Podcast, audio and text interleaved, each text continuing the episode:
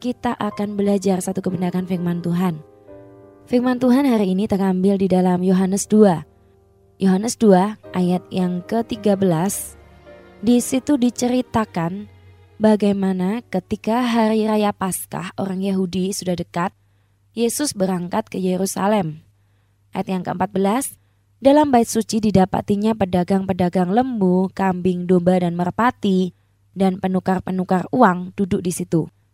Bintang Tuhan ada satu keadaan yang sangat mengerikan sekali ketika Tuhan Yesus hendak pergi ke Yerusalem ya. Dia hendak merayakan Paskah dan ketika di Yerusalem yang terjadi adalah dia selalu mendatangi bait suci Tuhan. Ke mana-mana dia selalu rindu untuk diam di bait suci dan ketika dia datang ke bait suci Yerusalem ini suatu kota yang katanya ya adalah sebuah kota yang begitu rohani ya sebuah kota yang penuh dengan imam yang penuh dengan kerohanian ya dan pada waktu itu yang terjadi adalah rumah Tuhan bait sucinya Tuhan itu penuh dengan pedagang-pedagang penuh dengan kambing domba dan merpati penuh dengan penukar-penukar uang ya dan apa yang mereka lakukan? Mereka lakukan itu untuk keuntungan mereka sendiri. Ya pada waktu itu memang butuh yang namanya domba, merpati, lembu. Butuh yang namanya mungkin penukar uang ya. Kalau ada orang yang mau tukar uang karena mereka mau beli merpati, uangnya adalah pecahan yang besar ya. Di ketika itu mungkin mereka harus tukar uang. Tetapi bukan masalah itu, bukan masalah apa yang dijual oleh mereka. Tetapi yang masalahnya adalah ketika mereka menggunakan sesuatu yang dipakai untuk melayani untuk mencari keuntungan pribadi mereka, untuk mencari keuntungan kemakmuran diri mereka sendiri. Itulah yang membuat Tuhan begitu muak ya. Itulah yang membuat Tuhan begitu marah sekali. Sehingga apa yang terjadi? Yesus membuat cambuk dari tali, lalu mengusir mereka semua dari bait suci dengan semua kambing domba dan lembu mereka. Uang penukar dihamburkannya ke tanah dan meja mereka dibalikkannya. Tiba-tiba Tuhan membuat satu tindakan yang begitu ekstrim bintang Tuhan. Dia membuat cambuk, kemudian tanpa permisi, tanpa bilang apa pun.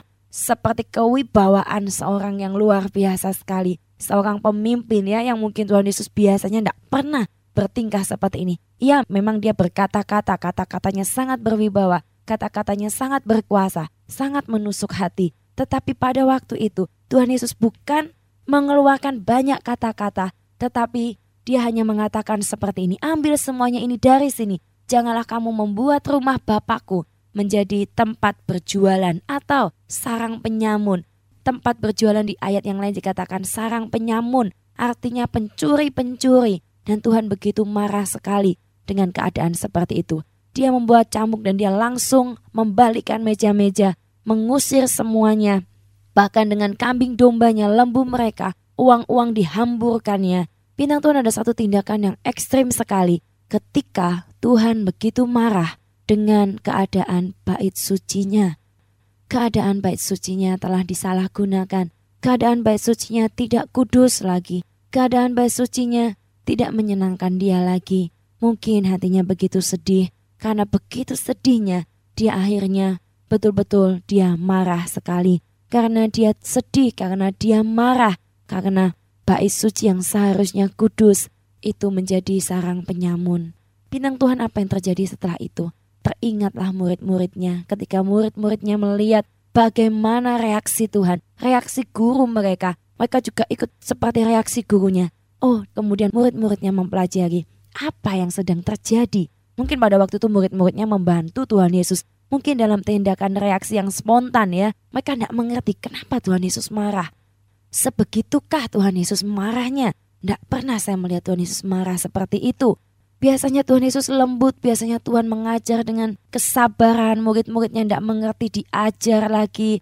Kadang Tuhan Yesus juga marah ya, kalau murid-muridnya tidak mengerti, tapi tidak pernah seperti ini. Pada waktu itu, sambil murid-muridnya mungkin membantu Tuhan Yesus, mereka akhirnya saling bicara, mereka teringat bahwa ada tertulis ayat yang ke-17.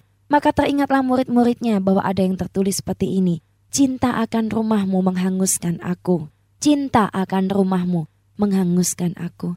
Murid-muridnya teringat satu kalimat ini bintang Tuhan. Betapa Tuhan Yesus bukan marah kepada bait sucinya, tetapi dia marah kepada orang-orang yang seharusnya menjadi pengurus dari bait suci itu. Karena apa? Cinta akan rumahnya, cinta akan tempat kediamannya itu menghanguskan aku. Aku adalah kata huruf besar di situ adalah menghanguskan Tuhan. Bintang Tuhan, siapa sih bait suci itu? Siapa sih tempat kediaman Tuhan itu? Kalau dikatakan di dalam Efesus 2 ayat yang ke-22. Di dalam dia kamu juga turut dibangunkan menjadi tempat kediaman Allah di dalam roh. Di dalam dia, di dalam Tuhan, kita semua ini adalah bangunan Tuhan. Kita semua ini adalah tempat kediaman Allah, yaitu di dalam roh kudus Bintang Tuhan, kita semuanya ini adalah tempat kediamannya. Kita semua adalah bait sucinya. Kita semuanya adalah tempat kekudusannya. Bintang Tuhan, berapa banyak kita harus menyadari hal ini kembali hari ini. Memang kita mempunyai tempat kediaman. Kita memiliki tempat perlindungan, yaitu Dia, Yesus, yang adalah tempat perlindungan kita, tempat keamanan kita, tempat peteduhan kita, tempat yang luar biasa ketika kita lemah, ketika kita jatuh, ketika kita mengalami masalah, kita berlari kepada Tuhan. Tetapi ketika Tuhan datang kepada bait sucinya, dia rindu mendapati bait sucinya kudus. Dia rindu, dia selalu mendatangi bait sucinya. Ke mana pun dia pergi, dia selalu mendatangi bait sucinya. Tetapi apa yang didapati oleh Tuhan? Coba kita renungkan. Ketika Tuhan datang kepada kita, ketika Tuhan menguji kita, sorot matanya itu mengamat-amati dan selalu menguji anak manusia bintang Tuhan. Itu yang tertulis di dalam firman Tuhan. Matanya itu selalu menyorot, mengawasi, mengamat-amati anak manusia. Dan dia melihat setiap kita. Apakah kita menjadi bait suci yang betul-betul berkenan di hadapan Tuhan. Seringkali kita tidak sadar bintang Tuhan bahwa kita ini adalah bait sucinya Tuhan.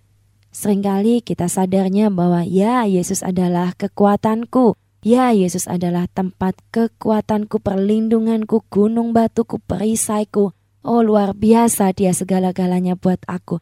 Tetapi kita lihat satu sisi yang lain. Apakah Tuhan senang, Tuhan betah di dalam hidup kita? Apakah dia betah? Apakah dia disenangkan oleh setiap kita? Yaitu bait sucinya Tuhan. Kalau mungkin ya kita tidak betul-betul menjaga bait kudus kita, kita tidak menjaga betul-betul tempat kediaman kita, yaitu roh kita. Mungkin suatu saat Tuhan akan marah kepada kita. Mungkin dia akan ambil cambuk, dia akan ambil cambuk kemudian dia akan membalikkan semua memporak-porandakan setiap bait itu, yaitu rumah kita, yaitu hidup kita. Mungkin akan diporak-porandakan hati kita, mungkin akan dijungkir balikkan oleh Tuhan. Dan kemudian ada satu kata-kata dari muridnya, cinta akan rumahmu menghanguskan aku. Yesus akan berkata kepada kita, mungkin kita akan menjerit, kita tidak tahu Tuhan kenapa, kenapa engkau marah. Ternyata ada begitu banyak kesalahan kita, ada begitu banyak kebusukan kita, ada begitu banyak keegoisan kita. Kita ingin mementingkan diri kita sendiri, kita ingin mendapat keuntungan bagi diri kita sendiri. Mungkin keuntungan itu tidak hanya berbicara tentang masalah uang, tetapi berbicara tentang masalah kehormatan. Kita ingin dihormati, kita ingin dihargai, kita ingin mendapatkan kehormatan dari manusia. Itu sama saja bintang Tuhan. Kita ingin mendapatkan sesuatu yang kita inginkan sendiri. Bintang Tuhan Yesus mungkin mencungkir balikkan. Dan dengan sedih dia katakan, cintakan rumahmu ya Bapak. Itu yang menghanguskan aku. Yesus tidak betah. Yesus seperti terbakar oleh satu api yang kudus. Menghanguskan dirinya ketika dia melihat bait sucinya. Ketika dia melihat rumahnya. Itu tidak dijaga. Bintang Tuhan, jangan salahkan Tuhan. Kalau memang Tuhan menghardik kita, Tuhan mungkin akan memporak-porandakan apa yang kita pegang, apa yang menjadi rumah kita, apa yang menjadi hati kita, karena kita perlu yang namanya bertobat bintang Tuhan. Jangan seperti pihak-pihak pada bait suci itu. Ketika mereka tahu Yesus begitu marah membuat mereka rugi, mereka menantang Tuhan. Tanda apakah yang kau bawa? Mereka tidak percaya, mereka minta tanda lagi. Sampai akhirnya Tuhan bilang, runtuhkan bait suci ini dan aku akan membangunnya dalam tiga hari yang artinya adalah kebangkitannya. Tetapi mereka tidak juga mengerti. Bintang Tuhan mereka menjadi keras kepala. Mereka menjadi keras hati, mereka tidak mengerti, mereka tidak mau mengerti. Jangan kita seperti itu. Ada satu pelajaran yang luar biasa sekali ketika bait suci ini diporak-porandakan oleh Tuhan ketika Tuhan marah dengan bait sucinya. Bintang Tuhan ada satu kisah yang luar biasa sekali juga. Di dalam dua tawarik bintang Tuhan, saya akan bacakan. Dua tawarik pasal yang ke-13 ayat yang ke-11 mengatakan seperti ini. Ini hal yang sangat menarik sekali. Pada waktu perjanjian lama, setiap imam Tuhan yaitu dari keturunan Harun, mereka selalu mengatur dari rumah Tuhan bintang Tuhan. Mereka selalu mengatur pagi dan petang. Mereka selalu membawa korban, membakar bagi Tuhan, korban bakaran. 2 Tarik 13 ayat yang ke-13 yakni setiap pagi dan setiap petang mereka membakar bagi Tuhan korban bakaran dan ukupan dari wangi-wangian menyusun roti sajian di atas meja yang tahir dan mengatur kandil emas dengan pelita-pelitanya untuk dinyalakan setiap petang. Karena kamilah yang memelihara kewajiban kami terhadap Tuhan Allah kami, tetapi kamulah yang meninggalkannya. Pada awalnya bintang Tuhan, anak-anak Harun yang melayani sebagai imam, merekalah yang melakukan korban, yang memberikan korban sedangkan yang membantu tugas mereka adalah dari keturunan Lewi. Nah, ketika itu mereka mengatakan bintang Tuhan, seperti apa yang telah terjadi, seperti kewajiban mereka, yaitu bahwa imam-imam ini harus kewajiban mereka, yaitu mengadakan korban untuk Tuhan. Ada korban yang diletakkan, selalu setiap hari ada korban yang diletakkan, ada wangi-wangian dari ukupan, sehingga wangi-wangian itu akan masuk dalam hadirat Tuhan dan Tuhan akan disenangkan. Tuhan suka dengan yang wangi-wangi. Tuhan tidak suka dengan bau yang busuk. Tuhan suka dengan bau yang wangi bintang Tuhan. Karena itu firman Tuhan dikatakan kita ini adalah seperti bau yang harum di hadapan Tuhan dan di hadapan manusia. Tetapi kita adalah bau kematian bagi mereka yang tidak mau menerima Tuhan Yesus.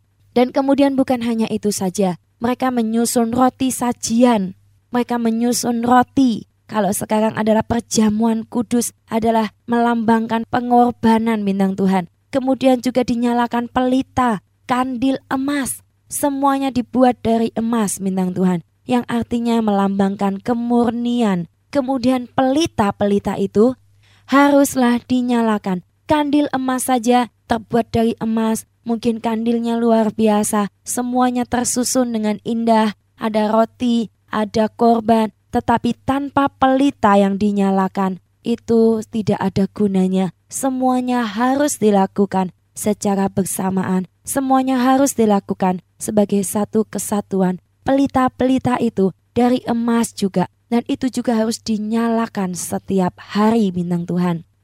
Ketika saya renungkan ayat-ayat ini bintang Tuhan, Tuhan mengingatkan saya bahwa kita untuk menjaga rumah Tuhan supaya Tuhan tidak marah ya. Seperti yang kita lihat dalam Yohanes tadi Tuhan begitu marah Tuhan mencambuk Tuhan mengporak-porandakan segalanya. Kalau kita rindu menyenangkan Tuhan dengan bait suci yaitu diri kita sendiri maka apa yang harus kita lakukan Apakah kita rindu menyenangkan Tuhan dari setiap apa yang kita lakukan? Yang pertama, kita harus membakar korban bintang Tuhan. Ini adalah satu hal yang sangat penting, membakar korban. Ketika ada waktu dalam hidup saya, saya mulai menoleh ke belakang. Saya mulai sadar bintang Tuhan, sudah berapa lama saya tidak berkorban kembali.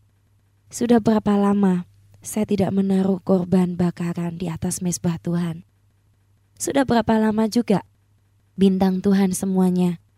Sudah lama tidak berkorban buat Tuhan. Kita hanya menuntut kita hanya meminta Tuhan memberkati kita. Kita hanya meminta Tuhan memperjuangkan perkara-perkara kita. Tetapi kita lupa yang satu ini. Kita lupa untuk membakar korban buat Tuhan. Korban bisa bicara tentang banyak hal bintang Tuhan. Korban bisa bicara tentang hati kita. Korban hati, korban tenaga, korban perasaan mungkin. Korban harga diri, korban reputasi, korban uang, korban harta, korban keluarga, korban hak-hak kita untuk disayang atau mungkin korban hak kita untuk mendapatkan uang yang banyak, pekerjaan yang layak demi Tuhan, kita melakukan korban kita. Kenapa imam ini layak untuk memberikan korban ini? Mereka dikhususkan oleh Tuhan. Mereka harus menguduskan dirinya. Mereka tidak boleh kerja di luar dengan sembarangan. Mereka tidak boleh bergaul dengan sembarangan ketika mereka hendak membakar korban masuk dalam ruang suci Tuhan. Mereka harus menguduskan dirinya. Bahkan mereka tidak boleh tidur bersama dengan istrinya. Itu dikatakan dalam firman Tuhan. Mereka harus betul-betul menguduskan dirinya total buat Tuhan. Mereka harus mengkhususkan dirinya. Apakah imam-imam menjadi iri dengan yang lain bintang Tuhan? Mereka berkata, oh bani-bani yang lain, suku-suku yang lain, Kenapa mereka begitu enak? Kenapa mereka tidak seperti saya? Mereka bisa berbuat dosa seenaknya, lalu nanti saya yang akan membawa korban buat mereka. Bintang Tuhan, imam-imam ini adalah imam-imam yang dikuduskan, disucikan, dan hati mereka begitu lekat dengan Tuhan. Mereka merasakan hadirat Tuhan. Mereka betul-betul setiap hari bergaul. Mereka tidak ada pikiran-pikiran seperti itu. Mereka tidak ada pikiran-pikiran jahat ketika mereka dekat dengan tabut Tuhan, ketika mereka dekat dengan pelita, mereka menyalakan dengan hati-hati, mereka melakukan kewajibannya, membakar, mereka melihat bagaimana Tuhan membakar korbannya, mereka membawa wangi-wangian, mereka sampai tercium juga, mereka senang ya, mereka begitu bangga bisa melayani Tuhan. Dan di situlah rumah Tuhan disenangkan. Ketika bait suci pada perjanjian lama dibangun maka ada satu kebangunan rohani yang besar di dalam bangsa itu. Tetapi ketika bait suci itu ditelantarkan, ketika bait suci itu tidak diurus, ketika imam-imam berubah setia mungkin ya atau bangsa itu berubah setia, maka tidak ada kebangunan. Yang ada hanyalah kehancuran. Yang ada hanyalah bangsa Israel menjadi tawanan, menjadi olok-olokan, dan tidak ada kemenangan yang terjadi. Yang terjadi hanyalah kekalahan dan kehancuran demi kehancuran. Kalau kita rindu hidup kita penuh dengan kebangunan rohani bintang Tuhan. Kalau kita rindu hidup kita penuh dengan kemenangan. Kita harus melakukan yang satu ini. Sucikan bait suci kita masing-masing. Sucikan diri kita masing-masing. Dengan yang pertama adalah membakar korban buat Tuhan. Saya tidak tahu korban apa yang Tuhan tuntut dari hidup kita. Saya dituntut Tuhan untuk memberikan banyak korban. Setiap kita juga dituntut untuk memberikan banyak korban untuk Tuhan. Mari kita belajar sama-sama. Yang pertama memberikan korban. Yang kedua yaitu ukupan dari wangi-wangian. Ukupan dari wangi-wangian ini korban yang kedua ini ya. Yang pertama adalah korban bakaran yang ditaruh di atas mesbah. Yang kedua ukupan wangi-wangian. Ini bicara tentang hidup kita, bicara tentang gaya hidup kita. Apakah gaya hidup kita? Apakah ukupan atau persembahan kita itu wangi di hadapan Tuhan? Ataukah cara hidup kita, persembahan kita menjadi bau yang busuk di hadapan Tuhan? Kita perlu cek lagi bintang Tuhan, apakah kita berbau wangi atau kita berbau busuk? Dengan apa kita berbau wangi? Dengan kita berdoa, kita merenungkan firman Tuhan, kita melakukannya, kita melayani Tuhan, kita melayani dengan sungguh-sungguh, mengerti hati Tuhan, dan kita dapat melakukan segala sesuatu yang dia suruh dengan menyenangkan hatinya, maka itu akan wangi, otomatis akan wangi. Kita tidak perlu ketika kita berdoa, ya mungkin kita harus pakai minyak wangi, atau kita harus menjaga penampilan kita dengan luar biasa, ya menjaga bicara kita, tetapi semuanya itu hanya topeng-topeng. Tuhan tidak mau yang seperti itu. Ukupan yang wangi ini akan muncul, akan terbakar ya Ketika dia dibakar, ukupan ini harus dibakar bintang Tuhan. Ketika ukupan ini dibakar, dia akan muncul bau yang wangi. Dan wangi-wangian ini tidak main-main. Ada campuran-campuran bahan yang dikhususkan, yang beda, yang khusus dibuat. Tidak sembarangan semua bahan bisa masuk di situ. Dan ketika bahan itu sudah pas, sudah tepat, masuk semuanya dalam ukupan itu dibakar, akhirnya menjadi bau yang wangi. Selalu ada korban, selalu ada korban sekali lagi dan ukupan itu akan menjadi wangi. Yang ketiga adalah menyusun roti sajian di atas meja. Selalu ada roti yang baru, selalu ada makanan yang baru setiap hari. Yesus adalah roti hidup kita. Dan setiap hari kita akan dikenyangkan. Di dalam rumah Tuhan tidak boleh ada kekurangan. Di dalam rumah Tuhan, di dalam baitnya Tuhan, tidak boleh ada remah-remah roti atau pengurapan yang lama. Bintang Tuhan sering kali berapa banyak kita bangga dengan masa lalu kita.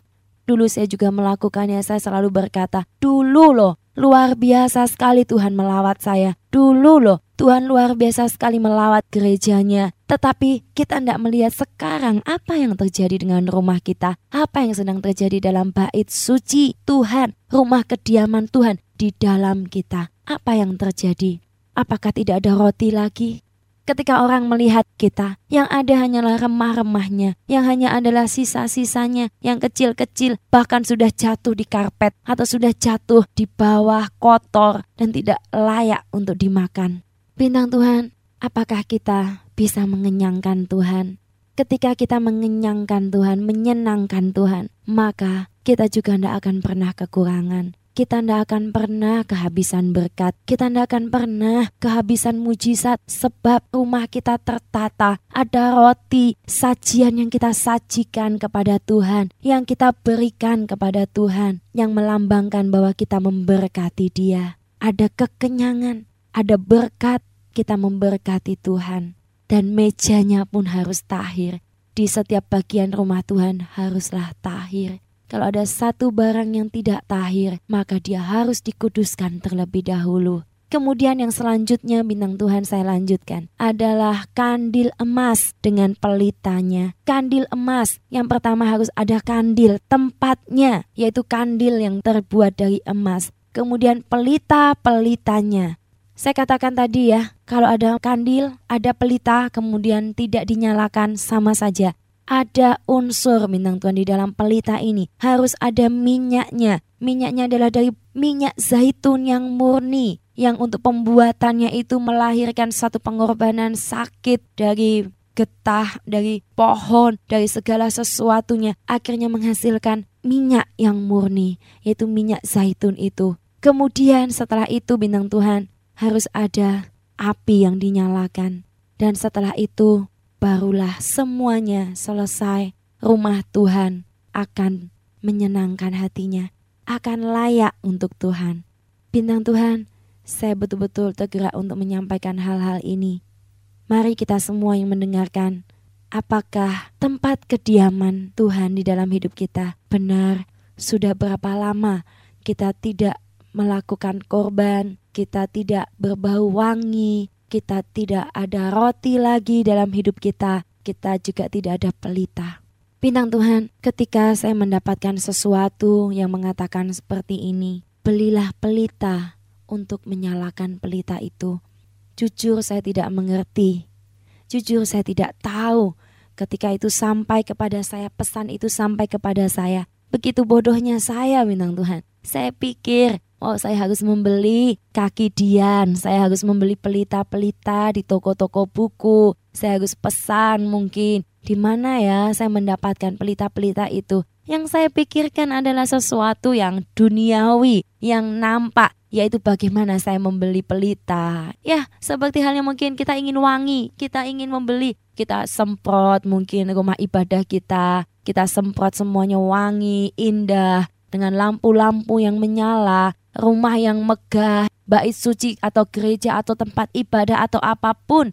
Kita hias dengan begitu rupa, dengan kaca-kaca yang menyala, kemudian dengan eh, lampu-lampu yang menyala, bintang Tuhan, dengan kaki dian di setiap pilarnya mungkin, dan kemudian mesbahnya atau mimbarnya terbuat dari sesuatu yang sangat indah, tetapi tidak ada Tuhan di sana. Mengerikan sekali.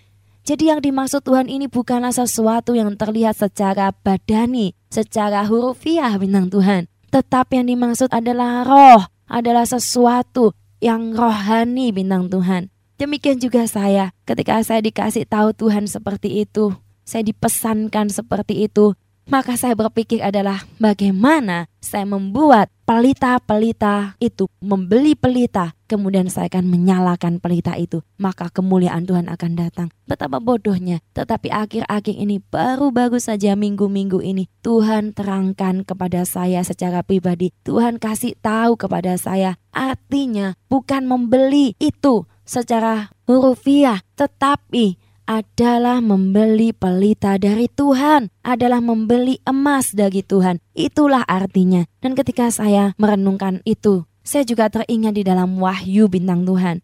Di dalam Wahyu 3 ayat yang ke-18. Maka aku menasehatkan engkau supaya engkau membeli daripadaku emas yang telah kumurnikan dalam api, supaya engkau menjadi kaya, dan juga pakaian putih, supaya engkau memakainya, agar jangan kelihatan ketelanjanganmu yang memalukan, dan minyak untuk melumas matamu, supaya engkau dapat melihat.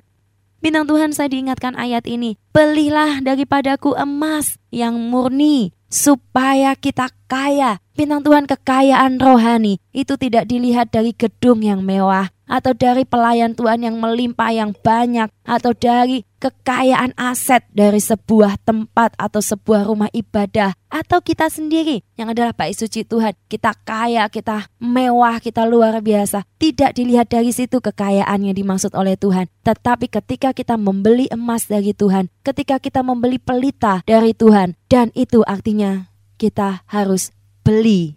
Beli itu artinya dengan uang atau dengan sesuatu yang berharga. Kalau di Indonesia atau di dunia ini kita membeli sesuatu dengan uang atau kita juga bisa beli dengan sesuatu yang berharga dari diri kita yang kita punya, barter. Itu kan yang kita pelajari dari hukum ekonomi. Jual beli itu artinya apa? Bukan hanya dengan uang, tetapi barter kita punya apa? Kalau kita punya gandum, kita punya jagung misalnya, kita tukar dengan mungkin apa gitu ya, dengan sepeda mungkin atau dengan yang lainnya. Ya itu zaman dahulu seperti itu minang Tuhan. Seperti itu juga kalau kita mau beli sesuatu dari Tuhan, kita harus beli pelita itu. Kita harus beli emas itu dengan cara apa? Korbankan sesuatu. Apa yang kita punya. Kita nggak mungkin dong kita kalau nggak punya uang, misalnya harganya satu juta Misalnya kita mau beli sepeda, kita beli misalnya satu juta, misalnya seperti itu. Kalau kita tidak punya uang seharga satu juta, bisa tidak kita beli? Tak bisa minang Tuhan, kita tidak akan bisa membelinya. Tetapi jika kita punya uang senilai satu juta, kita bisa membelinya. Bintang Tuhan, mungkin kita bertanya, kenapa Tuhan ingin kita beli? Kenapa tidak dikasih saja? Kan Tuhan murah hati. Kalau Tuhan kasih, selesai perkara. Tidak, Tuhan kita bukan Allah yang seperti itu. Dia selalu melihat ada sesuatu banyak perkara, sesuatu hal yang luar biasa kekayaan rohani bintang Tuhan yang akan Tuhan berikan kepada orang yang berani untuk membelinya. Tetapi orang yang tidak berani untuk membelinya tidak akan bisa dapat karena itu sesuatu yang mahal, sesuatu mutiara kata Tuhan. Itu tidak mungkin dilemparkan ke babi. Babi tidak mengerti artinya mutiara. Kalau manusia ngerti arti mutiara ya. Tidak mungkin kita yang begitu bodoh membuang mutiara kita.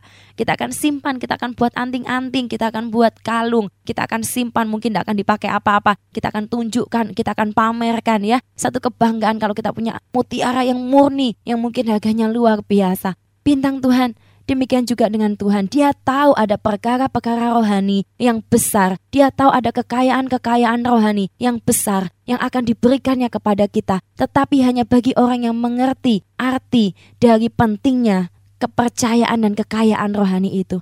Hanya kepada orang-orang yang mengerti betul betapa berharganya sesuatu yang ditawarkan oleh Tuhan itu. Kalau kita tidak beli, tidak berkorban, mungkin kita akan menganggap remeh kalau semuanya dikasih-kasih karunia, apa-apa dikasih-kasih karunia, bintang Tuhan kita akan menganggap remeh itu. Kita tidak akan bisa menghargai. Tetapi kalau kita betul-betul membelinya dengan segala upaya kita, dengan segala pengorbanan kita, dengan segala melepaskan hak-hak kita yang kita punya, maka Tuhan akan memberikan emas itu, akan memberikan pelita itu. Dan ketika kita sudah mendapatkan pelita itu, dan emas itu, apa yang terjadi? Nyalakan bintang Tuhan. Ketika kita sudah dapat pelita, mudah kita sudah berkorban ada minyaknya dan Tuhan yang akan memberikan apinya. Kalau kita pelajari bintang Tuhan api yang didapat di dalam rumah Tuhan untuk menyalakan pelita-pelita itu bukan api biasa, bukan imam yang membawa korek api kemudian dinyalakan satu-satu. Tidak boleh ada api asing bintang Tuhan. Mereka mendapatkan apinya adalah dari api kudus Tuhan. Yaitu ketika mereka membawa korban yang kudus, api yang kudus akan datang. Dan itu yang akan dipakai untuk menyalakan pelita-pelitanya. Selalu kalau kita menyalakan pelita kita sendiri asal-asalan saja, maka semuanya akan hancur bintang Tuhan. Berhati-hatilah, nyalakan pelita kita masing-masing dalam hidup kita. Firman Tuhan katakan kita adalah terang dunia. Apa gunanya kalau pelita itu ditaruh di bawah gantang? Pelita itu tidak boleh tersembunyi. Dia harus ditaruh di atas bukit, di atas tempat-tempat yang dilihat orang, dan orang akan melihatnya dan memuliakan Tuhan. Kalau kita rindu bangsa-bangsa akan datang, kita rindu jiwa-jiwa dipulihkan, kita rindu ada satu kebangunan rohani yang besar bintang Tuhan. Tidak ada cara yang lain kecuali kita membangun rumah Tuhan kembali. Kalau saya belajar dari kitab dua Tawarik pasal yang ke 29 bintang Tuhan. Di situ dikatakan diceritakan ada Raja Hizkia yang membangun kembali rumah Tuhan ketika mereka membangun kembali rumah Tuhan, apa yang terjadi? Sejak zaman Daud tidak pernah ada lagi satu kebangunan rohani yang besar seperti zaman Hizkia itu. Karena mereka membangun bait sucinya, imam-imam kembali dikuduskan, pemimpin-pemimpin semua bangsa Akhirnya mereka sujud kembali kepada Tuhan. Mereka merayakan roti yang tidak beragi dan mereka merayakan Paskah. Bintang Tuhan luar biasa sekali. Kalau kita rindu ada pemulihan, mari bangun bait sucimu. Mari bangun rumah kediamanmu, bangun kembali apa yang sudah runtuh. Tidak terlambat untuk membangun kembali. Tuhan rindu ada kebangkitan besar di dalam Indonesia ini. Bintang Tuhan, ketika melihat ada satu visi yang besar di depan saya, ada satu panggilan yang begitu dahsyat yang Tuhan panggil di generasi ini bintang Tuhan. Sudah begitu banyak nabi-nabi, sudah begitu banyak martir, sudah begitu banyak pendoa, yang mengharapkan Indonesia untuk bangkit, yang mengharapkan kota ini untuk bangkit. Tetapi apakah kita betul-betul mau untuk membangun baitnya? Kita tidak bisa bilang bahwa kita rindu Indonesia diselamatkan. Kita rindu, oh ada pemulihan, ada lawatan yang besar. Tetapi jika bait di dalam hidup kita sendiri tidak ada pelita, kita tidak berani beli pelita, kita tidak berani beli emas itu dari Tuhan. Lumasi mata kita dengan minyak. Belilah pakaian yang murni, yang harum, wangi, dan juga minyak bintang Tuhan. Minyak yang kudus daripada Tuhan. Itu sungguh indah sekali. Mari bintang Tuhan, saya mau mengajak bintang Tuhan semuanya untuk merenungkan firman Tuhan ini juga. Apakah kita mau untuk betul-betul membangun bait suci Tuhan. Ada visi yang besar bintang Tuhan di depan kita. Ketika saya mulai lemah, saya mulai tidak lagi mempedulikan apa yang di depan saya. Saya begitu disentak oleh Tuhan dengan ayat-ayat ini. Saya begitu ditegur oleh Tuhan. Kenapa bintang Tuhan? Karena kalau kita ada satu panggilan Tuhan, itu sesuatu yang besar, sesuatu yang tidak remeh bintang Tuhan Tuhan hanya memberikan kekayaannya, Tuhan hanya memberikan otoritasnya kepada orang yang bisa menghormati otoritas. Tuhan akan memberikan kuasanya kepada orang yang bisa menghargai apa itu arti pengorbanan. Tuhan hanya akan memberikan mujizat kuasanya orang-orang yang akan mengadakan kebangunan rohani yang besar jika orang itu sendiri bisa menjaga dirinya dan menyalakan pelitanya. Bintang Tuhan, Ketika saya lemah, ketika saya melihat visi itu kembali, saya dikuatkan. Saya tahu penderitaan yang sekarang ini mengerjakan kemuliaan yang lebih besar lagi. Mari bintang Tuhan masuk dalam ladang visi, ladang misi dari Tuhan. Setiap kita punya panggilan, setiap kita punya tanggung jawab, setiap kita punya bagian dalam kerajaan Allah. Tidak ada seorang pun diciptakan dunia ini tidak ada gunanya. Kalau kita tidak ada gunanya buat apa kita hidup, lebih baik kita tidak pernah ada. Saya pernah mengatakan satu statement kepada Tuhan. Ketika saya begitu mencintai visi dari Tuhan, saya begitu menyatu dengan visi yang dari Tuhan itu. Saya begitu menginginkan satu kebangunan rohani yang murni, yang sejati, di mana orang-orang diselamatkan, orang-orang akan bertemu dengan Tuhan. Ada satu lawatan yang indah, yang murni, yang tidak dibuat-buat, yang betul-betul kudus dari Tuhan. Ketika itu bintang Tuhan, saya berkata seperti ini sekitar setahun yang lalu. Saya bilang Tuhan, kalau sampai visimu ini tidak terjadi, kalau sampai kebangunan rohani ini tidak terjadi Tuhan, lalu buat apa aku hidup? Lebih baik aku mati. Lebih baik Seorang Evi tidak pernah dilahirkan ke dalam dunia. Kalau engkau tidak berikan itu kepadaku. Bintang Tuhan, saya baru teringat hari-hari ini. Bahwa seberapa besar sih kita menginginkan Tuhan, seberapa besar kita menginginkan kegerakan Tuhan, seberapa besar kita menginginkan baitnya berdiri dan di situ ada kemuliaan, tari-tarian, puji-pujian, penyembahan, sorak-sorai kemenangan, pemulihan, kesembuhan, mujizat, dan orang-orang yang terluka disembuhkan, orang-orang yang miskin diangkat, orang-orang yang dulunya jahat mereka bertobat kepada Tuhan. Yes, waktu-waktu seperti itu sangat saya nantikan. Apakah kita juga menantikan waktu-waktu yang seperti itu? Janji Tuhan pasti akan terjadi. Janji Tuhan, janji pemulihan atas Indonesia. Sudah begitu banyak orang-orang, nabi-nabi, pendoa-pendoa yang sudah menubuatkan Indonesia yang sudah menubuatkan kota ini. Ya, inilah waktunya bintang Tuhan. Kita membangun fondasi untuk kota ini. Kita membangun fondasi untuk kegerakan yang besar. Membangun fondasi itu tidak mudah. Membangun fondasi itu butuh waktu, butuh kerja keras, butuh pengorbanan. Seperti ketika Hiskia, rumah itu sudah runtuh, tidak ada lagi korban, tidak ada lagi rumah Tuhan yang tertata dengan baik, semuanya najis, bintang Tuhan. Hiskia mengadakan satu perubahan yang begitu radikal sekali. Dia mengubah segalanya. Dia mengumpulkan tentara-tentara Tuhan, dia mengumpulkan imam, dia menyuruh mentahirkan semuanya, menyuruh bangsa Israel mempersembahkan korban dan yang lain-lain. Ya untuk merintis tidak mudah bintang Tuhan, untuk mendirikan fondasi tidak mudah. Kami juga punya pelayanan di dalam tujuh voice yang ada di dalam visi kami yaitu rindu mengenalkan semuanya bintang-bintang Tuhan untuk mengenal dan menggenapi panggilan Tuhan. Itu visi yang Tuhan taruh dalam setiap hati kami bintang Tuhan. Dan kami begitu rindu juga supaya bintang-bintang Tuhan mengenal visi yang dari Tuhan. Mengenal panggilan yang dari Tuhan. Lewat tujuh voice yang ada, kami sangat percaya bahwa inilah fondasi yang Tuhan rindukan untuk kita semuanya. Bukan hanya untuk kami bintang Tuhan sekali lagi. Ini adalah untuk generasi kita. Ada fondasi ekonomi. Kita bekerja, kita melayani Tuhan, kita ada pekerjaan-pekerjaan yang kita buka untuk mereka yang membutuhkan, balai latihan kerja, kemudian kita juga bisa jual banyak hal minang Tuhan untuk memberkati Tuhan, memberkati orang-orang miskin. Kemudian ada pelayanan kasih untuk anak-anak jalanan, untuk orang-orang yang dibuang di jalanan, orang-orang yang tidak dianggap oleh dunia. Mereka butuh kasih Tuhan. Ya, panti jompo, panti rehabilitasi, kemudian rumah sakit kita rindu dirikan, rumah sakit yang murah, apotek yang murah, klinik misi, ada dokter-dokter yang mencintai Tuhan, yang ketika mereka berdoa mujizat terjadi, ketika mereka memberikan obat, mereka mendoakan dan mujizat terjadi, obat-obat yang murah, pengobatan-pengobatan yang murah. Kita rindu bintang Tuhan. Kemudian juga kita rindu ada suara voice of healing ya yang tadi juga ada healing from heaven juga KKR-KKR kesembuhan yang akan merambat ke kota-kota yang lain. Kemudian kami juga rindu adanya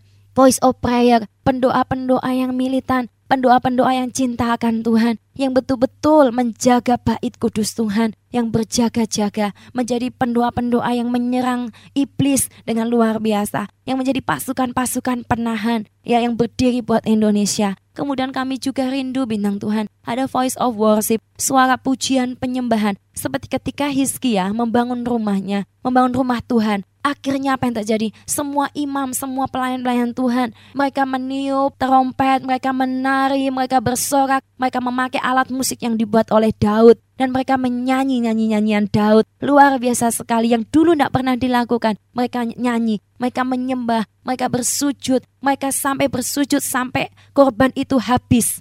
Bintang Tuhan, akan terjadi suara puji-pujian, suara penyembahan yang akan menggema ke seluruh dunia suara tari-tarian yang kudus, suatu tari-tarian yang menyentuh hati banyak orang, puji-pujian dan penyembahan yang kudus.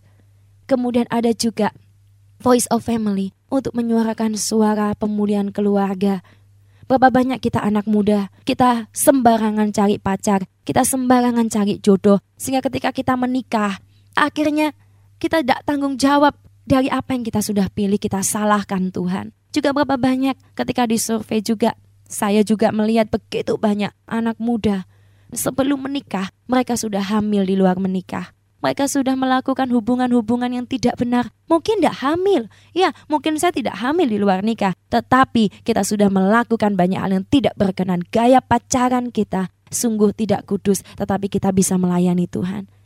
Saya kira ini zaman yang sungguh gila bintang Tuhan.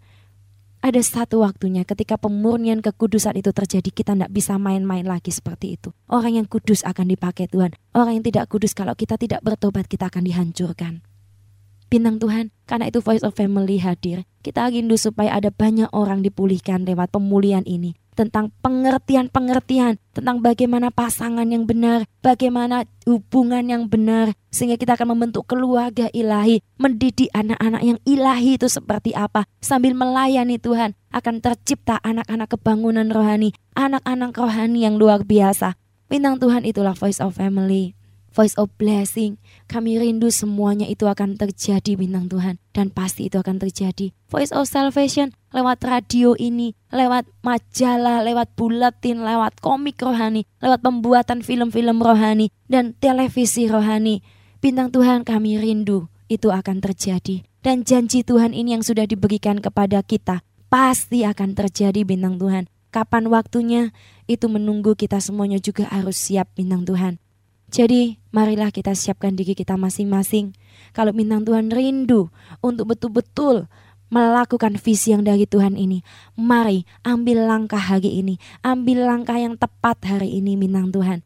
Jangan dikuasai oleh kenyamanan. Ketika saya betul-betul melihat bintang Tuhan ya, saya melihat bagaimana fenomena yang terjadi di kota Surabaya ini di bidang kerohanian. Saya tidak menghakimi karena kita pun, saya pun, kita semuanya perlu bertobat bintang Tuhan ada satu hal yang aneh sekali di kota ini bintang Tuhan. Apa yang aneh itu? Yang aneh saya tidak tahu bagaimana. Tetapi kenapa kota ini yang disebut kota pahlawan? Ada begitu kesuam-suaman bintang Tuhan. Kesuam-suaman yang aneh, kenyamanan, kesombongan yang begitu rupa. Sehingga kita tidak betul-betul mengalami suatu perubahan. Jiwa-jiwa mungkin mereka datang ke ibadah, ke gereja. Ya sekedarnya datang. Mungkin pelayan-pelayan Tuhan, ya sekedarnya melayani. Hamba-hamba Tuhan, ya sekedarnya sebagai hamba Tuhan. Tetapi ada sesuatu yang tidak benar yang sedang terjadi bintang Tuhan. Saya tidak tahu apa itu, tetapi saya percaya Tuhan akan menyingkapkannya. Akan ada suara kenabian yang akan terjadi di kota ini. Bintang Tuhan, kalau kita ditegur Tuhan, kalau ada sesuatu kegerakan Tuhan yang baru, jangan kita menolaknya. Jangan kita terpatok kepada cara-cara kita yang lama. Kalau Tuhan berikan visi kepada kita, terimalah, terimalah dengan lapang dada, terimalah dengan rela, dan tinggalkan semuanya. Ikutlah dia, bayarlah harganya, belilah emas yang murni dari Tuhan. Oke bintang Tuhan saya selesai sampai di sini. Dan bintang Tuhan kita akan doa terlebih dahulu ya untuk firman Tuhan. Bapak dalam nama Yesus Kristus kami mengucap syukur Tuhan. Hamba selesai bicara Tuhan seperti apa yang kau taruh dalam hati hamba. Biarkan kami semua boleh engkau ajar untuk kami menjaga setiap bait sucimu. Kami boleh menjaga tempat kediamanmu supaya engkau betah, engkau nyaman, engkau senang. Ketika engkau senang, Tuhan engkau tinggal di dalam setiap kami. Maka kami percaya Tuhan kami akan dimampukan untuk melakukan segala perkara. Kalau kami ada dalam satu ladang pelayanan, kami akan mampu Tuhan untuk membeli korban-korban itu, untuk menyalakan api itu Tuhan dalam setiap hidup kami, menyalakan pelita membeli emas yang murni dari Engkau. Tuhan kami mau Tuhan, setiap kami semuanya boleh Engkau tegur, Engkau hajar, supaya kami semakin lagi semakin indah di hadapanmu. Pakai setiap kami, karena kami tahu ini sudah waktunya. Ini sudah waktunya Tuhan. Kami tidak mau Tuhan waktunya berlalu dengan sia-sia. Waktu demi waktu berlalu begitu cepat. Tuhan tolong kami, bawa kami terbang. Paksakan Tuhan rencanamu dalam setiap kami. Paksa kami Tuhan. Kami tahu kami punya banyak kelemahan. Kami tahu kami punya banyak beban. Tetapi biarkan Tuhan Engkau yang akan tolong kami. Cabut Tuhan setiap duri-duri yang menghalangi kami. cabut setiap beban-beban yang menghalangi kami untuk berlari dan terbang bersama Engkau. Tolong kami semuanya Tuhan dan kami percaya Engkau pasti akan menggenapi rencanamu. Kebangkitan besar akan terjadi, pasti akan terjadi Tuhan. Pasti akan terjadi dan akan mendatangkan kebangunan yang besar atas Indonesia ini melalui setiap kami, melalui setiap kami yang memegang visimu. Terima kasih Tuhan di dalam nama Yesus Kristus kami menyerahkan hidup kami dalam tanganmu. Haleluya. Amin.